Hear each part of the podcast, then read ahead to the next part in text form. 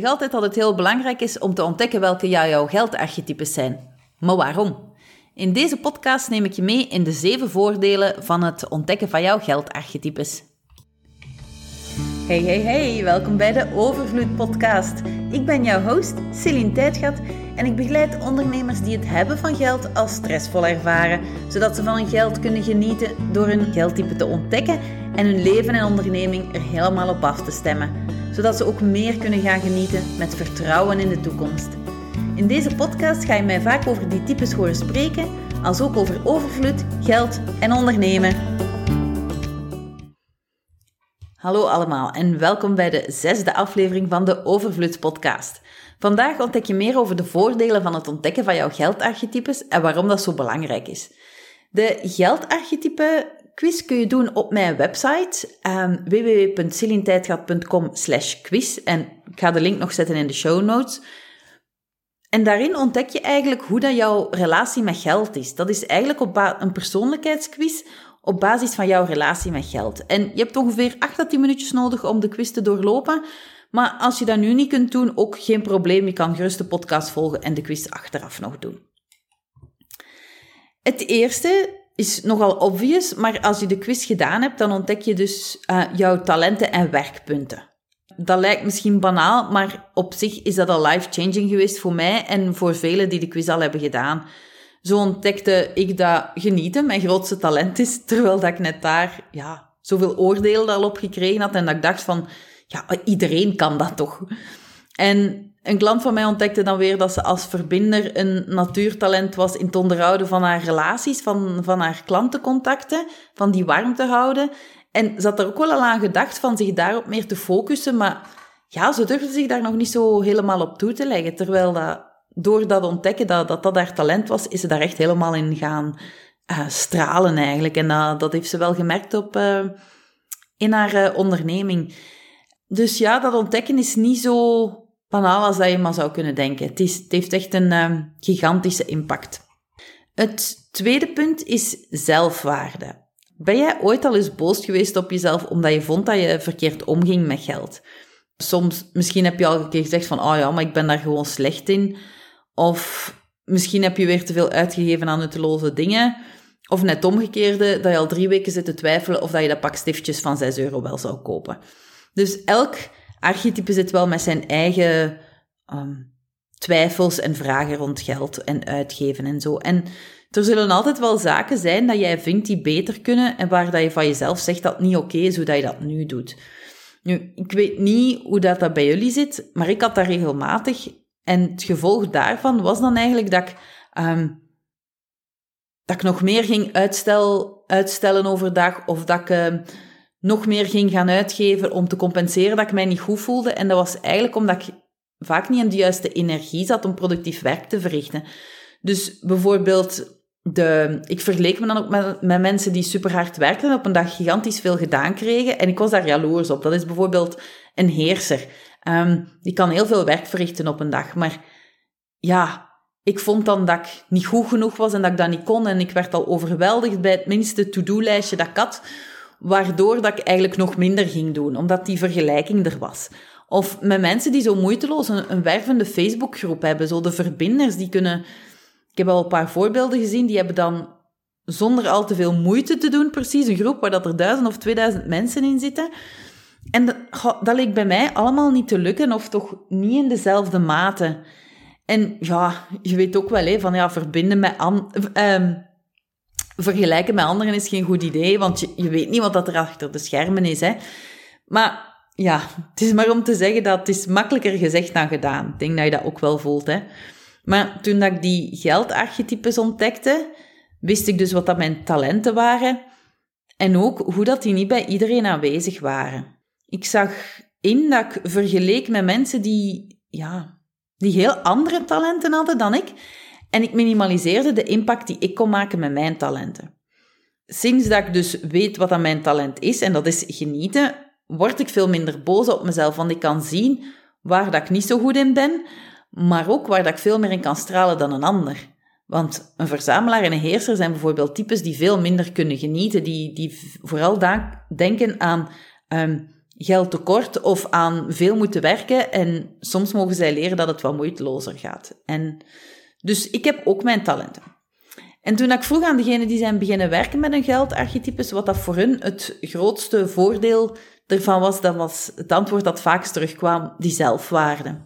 En wat een derde voordeel, wat dat er een beetje onder valt, maar eigenlijk nog veel verder gaat dan uh, die zelfwaarde, is minder persoonlijk aanvallen van jezelf. Dus als het over die sabotages gaat, omdat je, je kan makkelijker mild zijn met jezelf, omdat je het persoonlijke er een beetje uithaalt.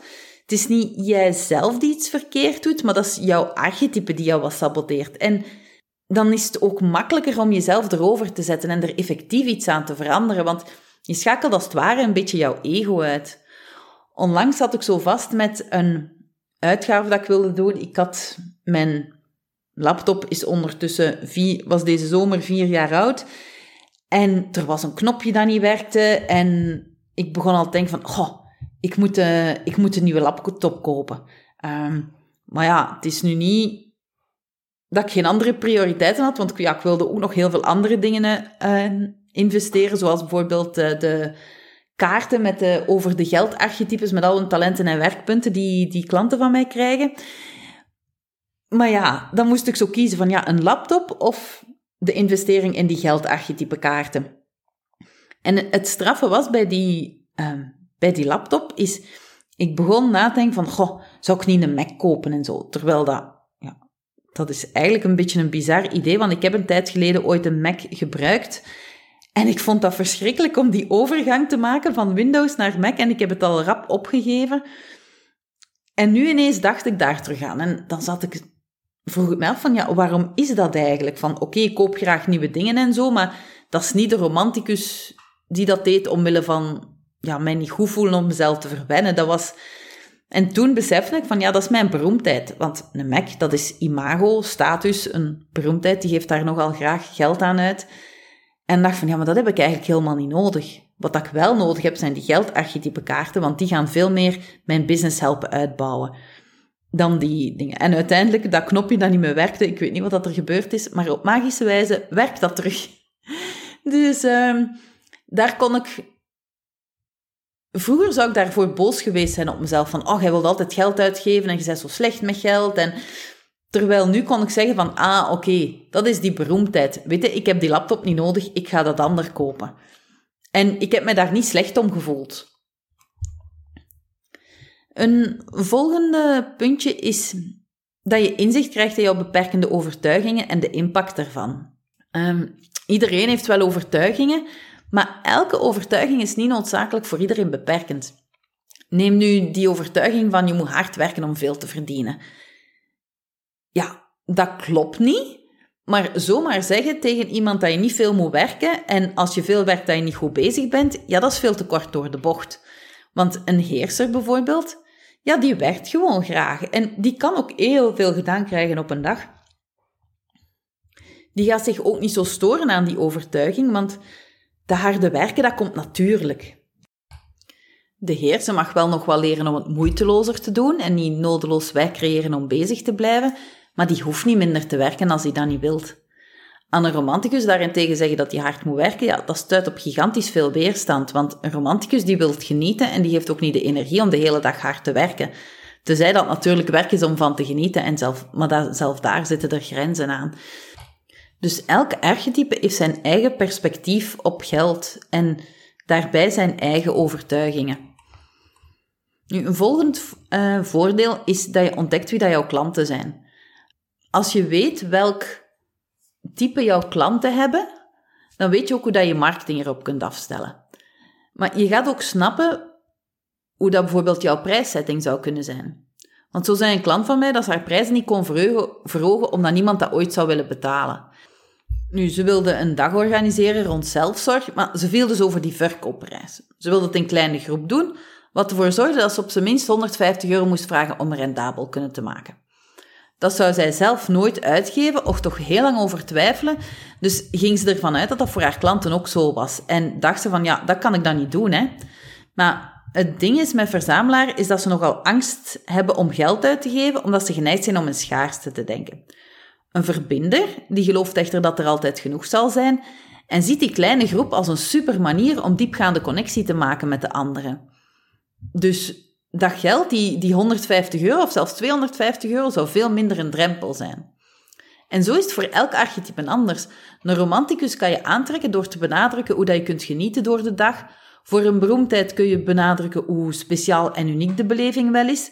En zo is er wel iets voor elk archetype. En als je de archetypes allemaal kent, kun je dus je marketing daar veel beter op afstemmen, waardoor dat je je niet gaat laten tegenhouden door wat dat je denkt dat anderen over de prijs denken. Omdat als je dat niet kent, dan zijn dat je eigen stemmetjes. Die je gaat transfereren op al de anderen, terwijl dat niet iedereen is zoals jij. En je kan daaraan dus je marketing en vooral je prijs ook daar gaan aanpassen. Een volgend punt is een betere relatie met jouw partner of met vrienden of met kinderen. Want ik, ik weet dat er heel veel, ja, er zijn heel veel discussies binnen een gezin, hè, binnen een relatie rond geld. En ja, dat kan vaak hevig zijn en voor um, heel veel wrijvingen zorgen. Um, toen dat ik mijn man de quiz liet doen, vielen er voor ons alvast heel veel puzzelstukjes in elkaar.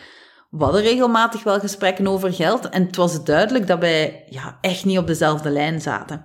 En ja, vooral dan toen dat ik mijn zaak net opstartte, omdat er dan minder geld ging binnenkomen.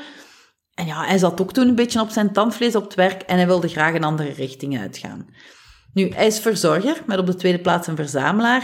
En het is vooral die verzamelaar die moeite had met de beslissingen. Want een verzamelaar redeneert vanuit de kort van oei oei, is dat wel een goed idee van te stoppen? Gaat er wel genoeg binnenkomen?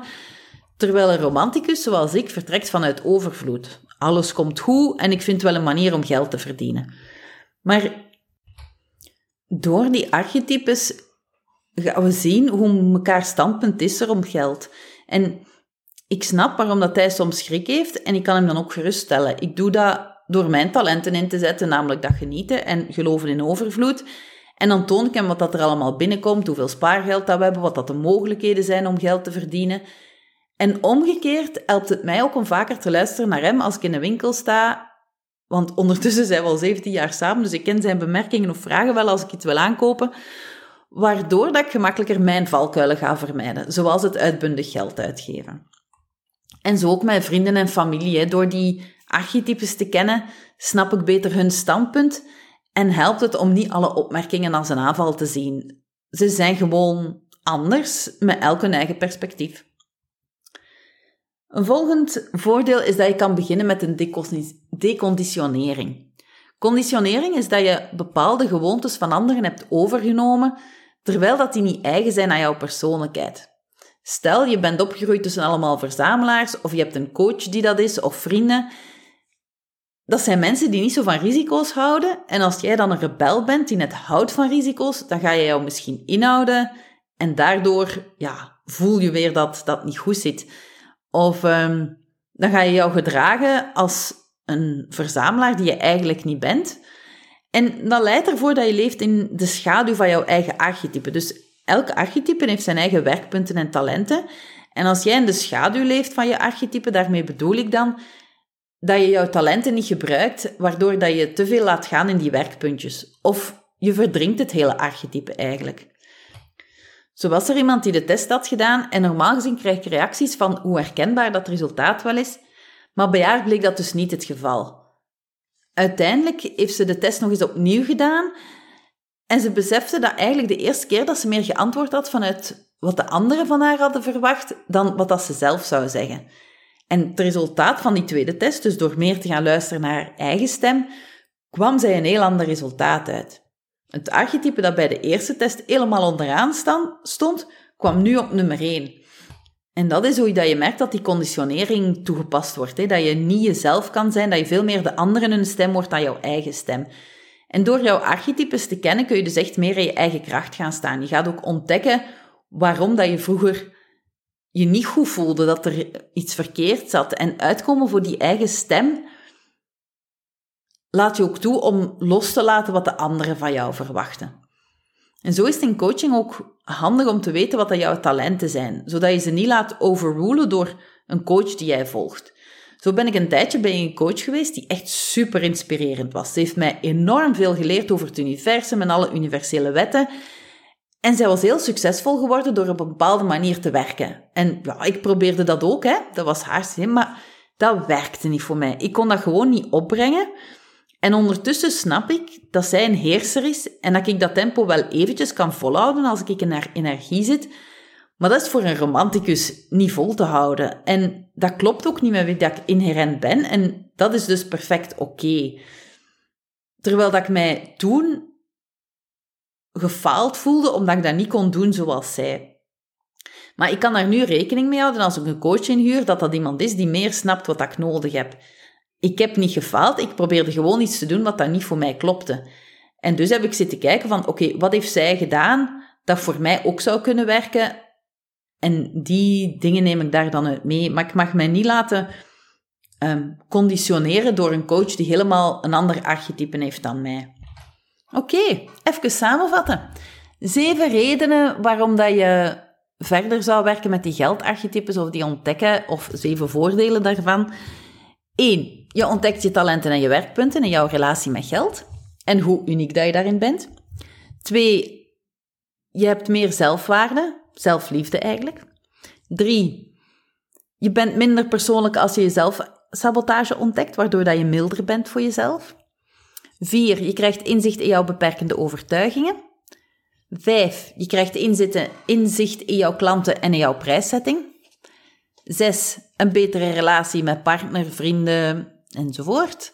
En zeven is de deconditionering die je doet. En in mijn traject ondernemen in overvloed ga ik daar dan ook heel diepgaand rond die archetypes gaan werken. Als je de quiz doet op mijn website, ontdek je wel welke talenten en valkuilen jouw archetypen heeft. Maar in het traject gaan we veel verder en gaan we zien hoe jou dat tegenhoudt in jouw business. En vooral hoe, dat we, hoe dat jij helemaal in jouw kracht kunt gaan staan. En jouw talenten kunt gebruiken om een onderneming te hebben die helemaal daarop is afgestemd. Na het traject ga jij beslissingen nemen vanuit jouw kracht in plaats van uit angst. Ga je naar je eigen stem luisteren van klopt dat wel met wat dat mijn talenten zijn? Dus dat je minder gaat laten beïnvloeden door anderen. Weet je ook waar dat jouw, zelf, jouw zelfsabotage ontstaat, waardoor dat je er iets meer controle over kan hebben? Je hebt ook meer zelfvertrouwen in gesprekken rond geld, omdat je weet welke gevoelens jou gaan tegenhouden je uh, jouw waarheid te spreken. En kun je ook je glazen plafond doorbreken, omdat je helder hebt wat dat jou tegenhoudt. Als je voelt dat dat iets voor jou is, um, ga dan zeker eens gaan kijken op www.celintijdgat.com slash overvloed. De link vind je in de show notes.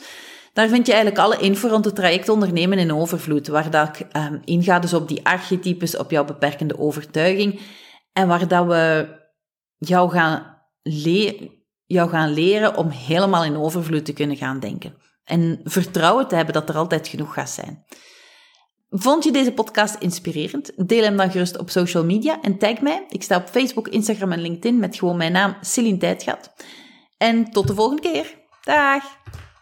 Wil je ook jouw Sacred Money Archetypes ontdekken en leren hoe je jouw relatie met geld kunt verbeteren en leven vanuit overvloed? Een leven waarin je vol vertrouwen geniet, elke dag. Doe dan nu de test op www.celintijdsgat.com quiz.